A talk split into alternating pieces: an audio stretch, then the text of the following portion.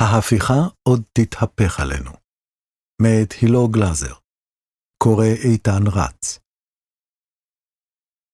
הוקלט על ידי הספרייה המרכזית לעברים ולבעלי לקויות קריאה. עריכה טכנית, ניר סייג. בערוב ימיו, יצא מביתו של הרב גרשון אדלשטיין, מנהיג הציבור החרדי-ליטאי, הוראה חד משמעית לנבחרי הציבור החרדים. הנמיכו פרופיל. בשעה שהמחלוקת סביב המהפכה המשפטית הלכה והתלקחה, ביקש אדלשטיין מהח"כים החרדים שלא להתבטא בפומבי או להתראיין בנושא. הנימוק היה פשוט, זה לא מענייננו. דבריו של אדלשטיין, ששימש עד מותו באפריל האחרון נשיא מועצת גדולי התורה של דגל התורה, הגיעו על רקע התבטאויות בוטות של ח"כים במפלגה בעד הרפורמה. היה זה ראש המפלגה משה גפני בעצמו, שהשתלח בבג"ץ תחת כל עץ רענן, הצהיר כי אם הרפורמה לא תעבור, אין לנו מה לחפש במערכת, ואיים שבלי פסקת התגברות, אין ממשלה. גפני ואנשיו צייתו כמובן להוראת גדול הדור. בחודשי האביב והקיץ גפני מיעט להתייחס לרפורמה, ואם נשאל על כך, הביע עמדה מרוככת בהרבה, שלפיה רק הבטחת הפטור מגיוס הוא בבחינת יהרג ובל יהרוג, מבחינת יהדות התורה. שלא תהיה טעות, חזית המאבק שלנו זה לא מי יהיו השופטים בבית המשפט. הבהיר בדברים שנשא לאחרונה מול בני ישיבות. עכשיו הייתה פסיקה של שני שופטים שמכונים מסורתיים, שמרניים, שהם בכלל לא תואמים לנו. אני לא תולה תקוות בסיפור הזה. ממרחק הזמן, אפשר לראות בהוראת הרב אדלשטיין מהלך נבון, אך כזה שהגיע מאוחר מדי. שכן בתודעה הציבורית כבר הולחמו החרדים לאדריכלי הרפורמה. כחודש לאחר מותו, קיימו ארגוני המחאה נגד ההפיכה המשטרית הפגנה בבני ברק. הם נימקו זאת בכך שההנהגה החרדית משתפת פעולה עם הדיקטטורה ביד אחת, וביד השנייה בוזזת את הקופה. אז העם החילוני לא שכח מאז. לפני כשבועיים הפגינו כאלף בני אדם מול הרבנות בתל אביב, והכתובת, בושה, רוססה על המבנה. הפגנות דומות התקיימו מול בתי הדין הרבניים בחיפה, רחובות ואשדוד. בשבוע שעבר הגיעו שתי נשים מארגון אמהות בחזית לביתו של גפני, הגישו לו צו גיוס עבור נכדו בן ה-18, והטיחו בו, אתה וחבריך להנהגה החרדית הכרזתם עלינו מלחמה. עיתונאי כיכר השבת ישי כהן סבור שזו רק ההתחלה. הח"כים החרדים יודעים שזה עוד כלום, אפילו לא משחק מקדים לקראת ההפגנות שצפויות בהמשך לקראת חקיקת חוק הגיוס. עכשיו הם מנסים למזער נזקים ולהסביר שהם לא חלק מהרפורמה, ותומכים רק בגלל המחויבות הקואליציונית. אבל נראה שזה כבר מאוחר מדי. למוסף הארץ נודע על ערוץ נוסף שבו נידון החשש הזה, שיחות שקיים הנשיא יצחק הרצוג עם חברי כנסת חרדים, לרבות בכירים ביהדות התורה. מי שיזם את השיחות הללו הוא הנשיא. בין השאר תואר בהן תרחיש, שם חברות גדולות במשק יסרבו להעסיק עובדים ועובדות מהחברה החרדית, וכן עלתה האפשרות שגורמים עסקיים יימנעו מהתקשרויות עם אנשי עסקים חרדים. נראה כי אזהרות הנשיא נפלו על אוזניים קשובות. דומה שגם השליחות שלקח על עצמו האלוף במיל אליעזר שקדי, לשעבר מפקד חיל האוויר, חוללה שם שינוי תודעתי בהנהגה החרדית. הקשר של שקדי לחברה החרדית החל כאשר הוא עוד לבש מדים, ויזם את פרויקט שחר כחול לשילוב חרדים בחיל האוויר. מאז פרישתו מצה"ל, הוא מלווה פרויקטים טכנולוגיים והכשרות שונות לשילוב חרדים בשוק התעסוקה, בדגש על ענף ההייטק. לאורך השנים גם לא היסס לרתום את קשריו בתחום, לרבות בתעשיות הביטחוניות, כדי לסדר עבודה לחרדים בוגרי הקורסים הללו. אולם לאחרונה, ברקע הרפורמה, חש שקדי כי המוטיבציה לקלוט אותם הולכת ופוחתת. זאת בצד סנטימנט שלילי הולך וגובר בציבור הכללי כלפי חרדים באשר הם. את החודשים האחרונים הקדיש שקדי לפגישות עם פוליטיקאים חרדים בכירים, בין השאר נפגש עם אורי מקלב ומשה גפני, ולביקורים בחצרות הרבנים המשפיעים ביותר. בפגישות האלו שיקף להם עד כמה הסלימו תחושות הניכור והסלידה של החילונים מהם לאור תפיסתם כמובילי הרפורמה. שקדי סירב להתראיין לכתבה, אבל גורם המעורה בנושא העריך שהזעזוע ותחושת החירום שביטא בפגישות הללו הצליחו לחלחל. לא רק הח"כים החרדים נמצאים בכוננות ספיגה.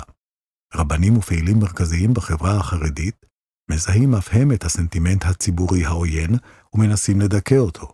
כזה הוא למשל הרב פנחס גולדשמיט, נשיא ועידת רבני אירופה, שלקח על עצמו בשבועות האחרונים תפקיד נוסף ובלתי שגרתי, לשקף לציבור החרדי את הסכנה הטמונה בקידום הרפורמה המשפטית.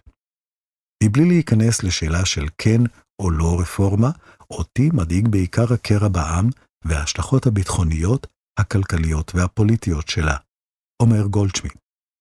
את דאגתו הביע בפני עיתונאים חרדים, סוקרים ושאר מובילי דעת קהל בציבור החרדי, כדי לוודא שהם רואים את כל המורכבות של המהלך הזה ומה עלולות להיות תוצאותיו. כמי שהתחנך במוסדותיה של ישיבת פוניבז' היוקרתית, התבגרג לתפקיד בכיר בממסד הרבני העולמי, והוזכר לאחרונה כמועמד לתפקיד הרב הראשי האשכנזי, גולדשמיט הוא בשר מבשרו של המיינסטרים החרדי, ואף על פי כן הוא קורא לעצור. ההנהגה החרדית לא הייתה מספיק מודעת לכעס שהחוקים המוצעים יעוררו בצד השני של המפה הפוליטית, הוא אומר. הם לא ציפו שהתגובה תהיה כל כך קשה. גולדשמיט חושש עתה מתגובת נגד, ומעריך כי המחיר הציבורי-פוליטי שהחברה החרדית תשלם עבור היותה בשר מבשרה של הרפורמה הזאת, יהיה גדול מאוד. גזרות? בין היתר.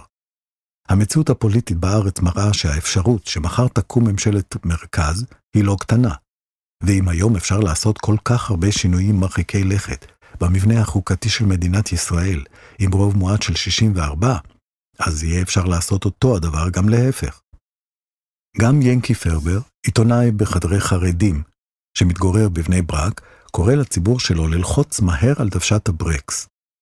אסור לחרדים לקחת חלק במאבק הזה, ציין לאחרונה פרבר, שהיה ונשאר תומך נלהב ברפורמה. יבוא יום ותקום ממשלת מרכז. הראשונים לסבול יהיו החרדים, הסביר. תזכרו את זה. גיוס, ליבה, מועצות דתיות, שבת, סטטוס קוו ועוד ועוד. החרדים יהיו הראשונים לשלם את המחיר. ימין מרכז ישלב ידיים עם שמאל מרכז, והחרדים יישארו בחוץ לצמיתות. בשיחה עם מוסף הארץ, סיפר פרבר שהציוץ עורר זעם רב בקרב חבריו לימין. בתגובת הנאצה החמישים הפסקתי לקרוא, אמר. אולם העוינות כלפיו מתוך המחנה לא גרמה לו לסגת. האפשרות של עליית ממשלה חלופית, מתודלקת בגלונים של זעם חילוני, שנאגר במשך שנים, מדירה שינה מעיניו. אם החרדים ימשיכו ללכת בכל הכוח נגד המחנה הליברלי, תקום פה ממשלת מרכז ואנחנו נחטוף מכל הכיוונים. ייסגרו כוללים, יבטלו תקציבים למוסדות שאין בהם לימודי ליבה, והישיבות לא יקבלו שקל. ואז מה נעשה? למי נבוא לתלונות? בג"ץ יהיה מעוך, גמור, רמוס. זה אותו בג"ץ שסייע לחברה החרדית רק לפני שנה וחצי, כשליברמן רצה להפסיק את הסבסוד למעונות. נשאר בלי כלום ושום דבר. וזה לא שפרבר הוא מאוהדיו של בג"ץ או מזדהה עם המחאה שמבקשת לשמור על עצמאותו. השמאל, מבחינתו, שורף את המדינה. ההפגנות בבני ברק הן לשיטתו טמטום וקריאת תיגר על עצם היהדות. ואת השבר שחוללה הפסקת ההתנדבות הסיטונית מצד חיילי המילואים, הוא תופס ככניעה לכמה קצינים שחושבים שהמדינה שייכת לאימא שלהם. ובכל זאת, פרבר קורא להנהגה החרדית לחשב מסלול מחדש. העמדה העקבית של הרב שך, הרב אלישיב והרב שטיינמן הייתה שהפוליטיקאים החרדים לא לוקחים תפקידי שרים, ובטח לא מבקשים לעצמם סמכויות שמשליכות על כלל החברה הישראלית. הרעיון היה, אנחנו לא נקבל החלטות על יציאה למלחמה, בזמן שאת הילדים שלנו אנחנו לא שולחים לשדה הקרב, אבל עכשיו החרדים אוחזים בהגה. הם ההנהגה. ולכן הם צריכים להחליט, או שהם מצטרפים בכל הכוח וגם תורמים, או שהם נסוגים חזרה לאותה עמדה מפעם. ראיתי עצומה של אלפי אמהות חילוניות שאומרות שהן לא ישלחו את הילדים שלהן לצבא כל עוד החרדים לא מתגייסים. ממשיך פרבר. הן רואות את הממשלה המודיעה לרמטכ"ל שלא לגייס את האברכים ושואלות מאיפה החוצפה. שמע, אני יכול להבין אותן. כל עוד החרדים הסתפקו במועט, המחנה הליברלי ישב בשקט. אבל עכשיו, כשהליברלים רואים שהחרדים מקבלים החלטות על הילדים שלהם, ברור לי מאיפה מגיעים הכעס והחרדה. והרגשות השליליים האלה, בסוף, יופנו כלפינו בשיא העוצמה. דבריו של פרבר עדיין חריגים בנוף של המיינסטרים החרדי, אך הם אינם מושמעים בחלל ריק. למעשה, היה זה העיתון יתד נאמן, הביטאון של דגל התורה ומנהיגה משה גפני, שבמאמר מערכת מלפני כשבועיים, קרא לחרדים להתנער מהתפקיד המרכזי שלקחו על עצמם במימוש ההפיכה המשטרית. הנימוקים המשניים היו ניכור לסוגיה שבלב המאבק, מפני שהמושג דמוקרטיה הוא זר לנו ביסודו, לא הרוב קובע, אלא דבר השם מחייב וקובע. ותפיסתו כחסרת תוחלת, מכיוון שבית המשפט אינו מתנהל על פי חוקי תורת משה, גם אם יתוקנו כל התיקונים, אין לנו כיהודים שומרי תורה עניין במקום הזה. ולמרוב המאמר, הוקדש לאזהרה מפני אפקט הבומרנג הצפוי.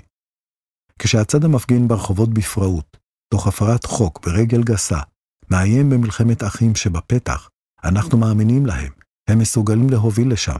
אם חלילה זה אכן יפרוץ, הרי שמצבים כאלה, היהודים תמיד אשמים.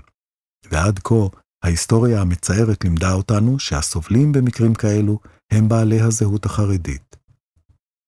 אחרי שחתמו על הצהרות נאמנות לגוש הימין והלחימו עצמם לליכוד, מציינים כותבי המאמר כי איננו משתייכים למחנה אוהדי נתניהו ומעריציו, ומוסיפים כי גם אם הוא נרדף על ידי האליטה השולטת והתקשורת בצורה אגרסיבית, אין מתפקידנו להגן על הגברא ולשוחח עליו, קל וחומר שלא לשלם מחירים על כך. בסיפא של המאמר מהדהדת השאלה, האם צריכים אנו לשאת בנטל תוצאות המלחמה הזאת? המאמר היכה גלים, וכעבור ימים אחדים התברר כי הסכר נפרץ. גם המודיע, שופרה של אגודת ישראל, הבהיר במאמר מערכת שפורסם בשבוע שעבר כי יהדות התורה הצטרפה לקואליציה לא כדי לקדם רפורמה משפטית, אלא כדי להסדיר את מעמדם של בני הישיבות שתורתם אמונתם. היא אינה מובילה את הרפורמה, היא הצביעה יחד עם סיעות הקואליציה בעניין הרפורמה כחלק ממחויבותה הקואליציונית. כותבי המאמר הוסיפו כי אין פניה של היהדות הנאמנה למאבקים, וכי היא אינה מעוניינת להוסיף שמן למדורה האוחזת בזירה הציבורית. גם ב"הדרך", העיתון של ש"ס, קראו לשינוי דיסקט מתוך היגיון שעדיף להיות חכם מאשר צודק. תיקון מערכת המשפט הוא דבר הכרחי, זה ברור ופשוט, אך התעקשות ודווקנות מבלי להסתכל ימינה ושמאלה אינן מסימני החוכמה והתבונה, נכתב במאמר המערכת של היומון בשבוע שעבר. כותביו הזהירו כי גלים סוערים מאיימים להטביע את הספינה, והאחריות הנדרשת כעת היא לנווט בין כל משברייך וגלייך אל חוף מבטחים. האם מתווי הנסיגה שמסרטטים שופרי המפלגות החרדיות נובעים מחרדה אותנטית מפני הקרע בעם והעתיד לבוא, או שמדובר בלא יותר מתמרון פוליטי? תלוי את מי שואלים. בטור פרשנות שפורסם בהארץ, תיאר אנשיל פפר את המאמר ביתד נאמן כמאמר מפותל, מצטדק ומלא בצביעות, שנועד לסלול לחרדים נתיב מילוט מהמלחמה נגד הדמוקרטיה הישראלית, שהם עצמם פתחו בה יחד עם חבריהם למחנה נתניהו. גם אנשי ציבור חרדים שהתראיינו לכתבה זו לא מוציאים מכלל אפשרות שמדובר בלא יותר מאיתות טקטי לנתניהו ושותפיו. בבחינת נסיגה מדומיינת לפוזיציית לשון המאזניים ההיסטורית, דרך פזילה מגושמת לממשלה עם גנץ. אולם כולם שותפים להנחה כי העסקנים החרדים חשים, אמנם באיחור, את כיוון הרוח, וכבר אינם אדישים לסנטימנט הציבורי שרואה בהם החיים עיקריים לדרדור החברה הישראלית אל פי תהום. ריח קץ ההיסטוריה, המשקר שנישא באפם אחרי הבחירות, כאילו הגוש האמוני עתיד לשלוט מעתה ועד עולם, טרם מתנדף. אך בצדם הולך ומתגנב החשש מפני היום שאחרי נתניהו, שבו הישראלים יבקשו לבוא עמם חשבון. כמה פוליטיקאים חרדים כבר מבטאים אותו, גם אם לא בשמם ובקולם. ישי כהן דיווח בשבוע שעבר כי שני פוליטיקאים חרדים הביעו באוזניו חרדה מפני עתיד כזה בדיוק. אומרים שלטון הרוב זו הסיסמה המרכזית של הקואליציה, אבל מה יקרה כששלטון הרוב לא יהיה מהימין? ציטט כהן אחד מהם. מה אנחנו, החרדים, נטען אז? ראינו מה קרה פה לפני שנה עם ממשלת בנט-לפיד-איווט. בשיחה עמו, הוסיף כהן כי כשאני מדבר עם ח"כים חרדים, אני שומע לא מעט אמירות כמו עד עכשיו רק הפסדנו מהרפורמה הזאת. ביטול עילת הסבירות לא יסייע לציבור שלהם, ואפילו לא לאריה דרעי, שנעול עם ההשתק השיפוטי. כשהממשלה הוקמה, ההנחה שלהם הייתה שאת חוק הגיוס יהיה להם הכי קל להעביר בממשלת 64 של ימין מלא מלא. אבל ככל שזה נכרח ברפורמה, והפך לחלק בלתי נפרד ממנה, התברר להם פתאום שחוק הגיוס הוא המוקש הכי גדול, וזה שמבעיר את המחאה. כהן סבור שהח"כים החרדים מכים על חטא על כך שלא הביעו תמיכה במתווה הנשיא, שהחריג את סוגיית הגיוס ולא הכפיף אותה לפסגת ההתגברות הכוללת. הם טוענים שלא הייתה להם ברירה בגלל הצורך ליישר קו עם הקואליציה, אבל אני מתרשם שיש שם חרטה ותסכול מהוויתור המהיר על המתווה הזה. מקור שנחשב לדמות בכירה בפוליטיקה החרדית, סבור כי המשגה של המפלגות החרדיות הוא מהותי בהרבה. לדבריו, האחריות למצב הנוכחי מוטלת אך ורק על המנהיגים הפוליטיים שלא ידעו לעשות הפרדה ביניהם לבין שאר מפלגות הגוש. זה בסדר להיות ימין, אבל שיהיה ימין אותנטי, ולא לנסות להידמות לליכוד. הם גרמו לציבור החרדי להפוך לביביסטים על מלא, ואז, כשמגיעה סוגיה מורכבת כמו הרפורמה המשפטית, אין להם שום דרך להפגין עמדה עצמאית. המקור מוסיף כי באופן פרדוקסלי, דווקא ההזדהות עם הליכוד, מפלגה חילונית, הגבירה את המיאוס של הציבור הכללי מהמפלגות החרדיות. בגלל ההתנהלות שלהם, החרדים הפסידו את עולם התשובה, את עולם הקירוב, את המסורתיים הם הרחיקו, ואת החילונים הם הבריחו. ואומנם, פעילים חברתיים חרדים, שאינם אטומים להלכי הרוח בחברה החילונית, סבורים כי העסקנים החרדים לוקים בהערכת חסר של הזעם כלפיהם. הם עדיין נמצאים בסוג של ניתוק, אומרת פנינה פויפר, מנכ"לית ארגון הציבור החרדי ממלכתי. בנרטיב שלהם, השמאלנים ששנאו אותם קודם, מחפשים סיבות לשנוא אותם עכשיו. לתחושתי, הם לא מבינים עד הסוף אילו דובים הם עוררו מרבצם, ושאם תקום הממשלה כמו הקודמת, אפילו לא ממשלת שמאל, היא לא תנהג באותה דרך, כפי שנהגה בסבב ההוא. באיזו דרך כן? זאת תהיה ממשלה דורסנית בהרבה, שתפעל מתוך דחיפות או תחושה של הזדמנות אחרונה לשנות את המציאות סביב נושאים כמו גיוס או לימודי ליבה. הבהלה מפני הדמוגרפיה, בצד הכעס והחששות שהממשלה הנוכחית ליבתה, מרמזים שזה הולך להיות אירוע מסוג אחר, ואני לא בטוחה שההנהגה החרדית הפנימה את זה. פויפר מגדירה עצמה כחרדית שמאלנית, וככזו היא חלק מקבוצה לא גדולה של חרדים שמראש התנגדו להפיכה המשטרית. בציבור החרדי הכללי מתייחסים עליהם כאל תופעה שולית, אך להסתייגות מן החקיקה ואופן הוצאתה לפועל, שותפים חרדים מכל הגוונים, והיא נמצאת בתהליך מואץ של חלחול לממסד. אפילו עילת הסבירות המנוחה קנתה לאוהדים בערוב ימיה. עורך הדין דובי ויינרוט פרסם לאחרונה מאמר בשבועון החרדי בקהילה, שכותרתו הרפורמה המשפטית צריכה להדאיג אותנו, החרדים. ויינרוט ביקש מקוריו לתאר לעצמנו תרחיש שאינו מופרך כלל, שבו מתקבלת החלטה, כי על אף האמור בחוקי היסוד, הממשלה מבקשת לעצור באחת תקציבים המיועדים לציבור החרדי.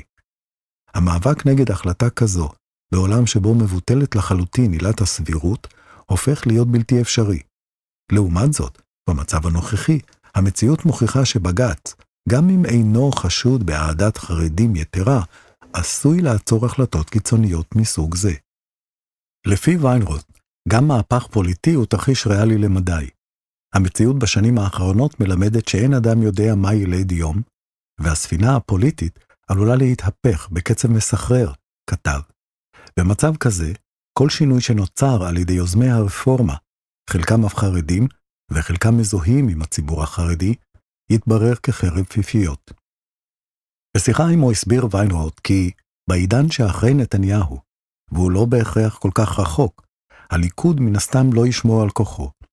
כמו כל מפלגה גדולה שהתבססה על מנהיג עוצמתי, קדימה למשל, ברגע שהוא מפנה את הבמה, הבוחרים מתפזרים בין כמה מפלגות או מקימים מפלגות חדשות, ואני באמת חושש שקונסטלציה כזאת תהיה כר פורה להקמת מפלגת מרכז-שמאל חדשה, או מפלגה חילונית ליברלית מאוד, שתרכב על הסנטימנט האנטי-חרדי, ותבטיח לשמוט את השטיח מתחת לרגליו.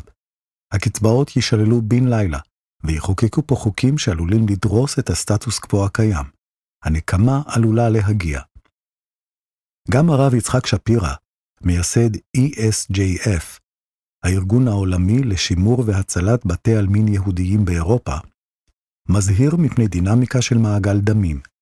לשיטתו, הייתה זו ממשלת בנט-לפיד-ליברמן שהתחילה בו. לפני שנה וחצי החלה לכהן בישראל ממשלת מרכז-שמאל עם הערבים, ובכל יום נשמעו הצהרות קולניות על צמצום החמצן והצרת צעדיו של הציבור החרדי. אם זה יועז הנדל וביטול הקומה הכשרה, סוגיות של קיור וכשרות, דיבורים על הוספת קווי תחבורה ציבורית בשבת, בניגוד לסטטוס קוו, וכמובן גזרות ליברמן. חנקו אותנו. אבל לא חסמנו כבישים ולא הבערנו צמיגים, רק זעקנו מנהמת ליבנו. החרדים רוצים לחיות פה על פי אמונתם ואורחות חייהם, אז עכשיו הם משתמשים בכוחם בכך שהם מבקשים דברים שבממשלה קודמת היו בלתי אפשריים. כאשר פתאום יש אפשרות לנשום לרווחה, זה טבעי שרוצים לשאוף מלוא הריאות.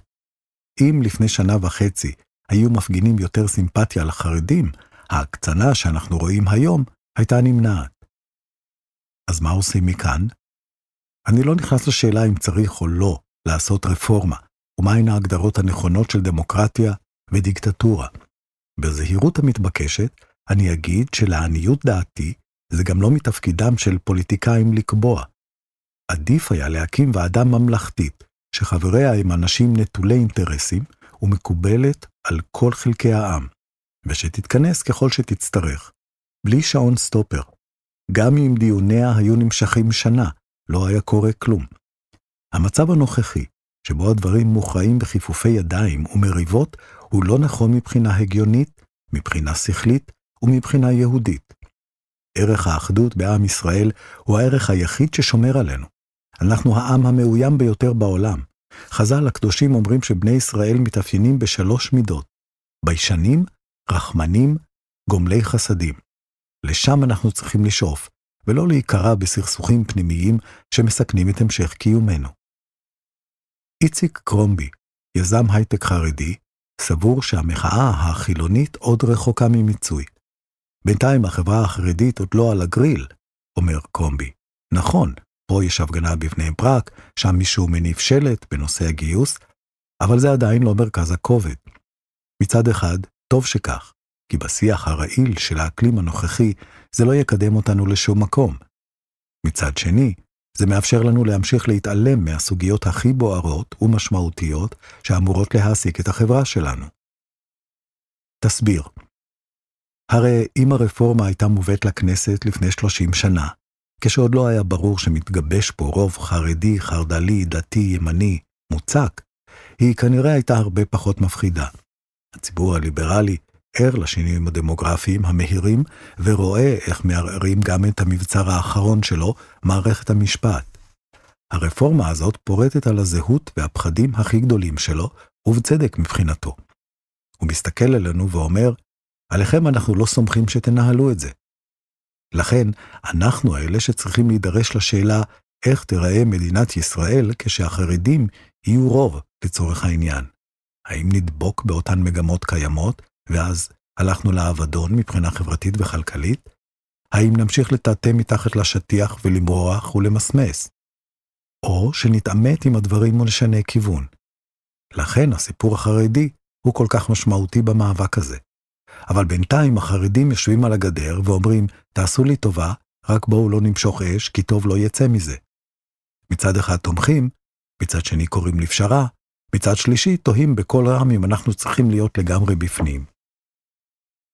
העיתונאי החרדי ישראל כהן מעריך כי הפיצול והמבוכה בציבור החרדי הם גם תוצר של אכזבה משותפיהם לגוש, בימין, שהתנהלו בשלומיאליות. פתאום החרדים קלטו שהימין לא בהכרח מסוגל להעביר את הדברים שחשובים להם, ומתברבר אפילו עם הדברים שהוא עצמו נחוש לקדם, אומר כהן. אם הרפורמה הייתה מקודמת בבטחה, כנראה גם החרדים היו מצטרפים בלי להסס. אבל גם בקושי הצלחתם להעביר משהו, וגם הבאתם עלינו את הזעם הזה? זה גרם לחרדים להתחיל לחשוב, אולי פספסנו פה משהו, אולי טעינו בניווט. גם כהן תופס את ההפגנות הספורדיות שהתקיימו בריכוזים חרדיים כסימן מדאיג לבאות. בינתיים זה עוד לא התרומם, אבל קיים החשש שבסוף זה יתהפך עלינו, ובשביל מה? מה אנחנו מרוויחים מזה? קח למשל את עילת הסבירות. השמאל, או הציבור הליברלי, ראה בו ציפור נפש, והימין הלך על זה בכל הכוח, כדי להראות שהוא בכל זאת יכול להעביר משהו מהרפורמה. אבל בעיניים חרדיות זה לא נושא חשוב במיוחד. עילת הסבירות היא לא יסוד קיומנו, והרפורמה, באופן כללי, היא לא באמת חלק מאיתנו.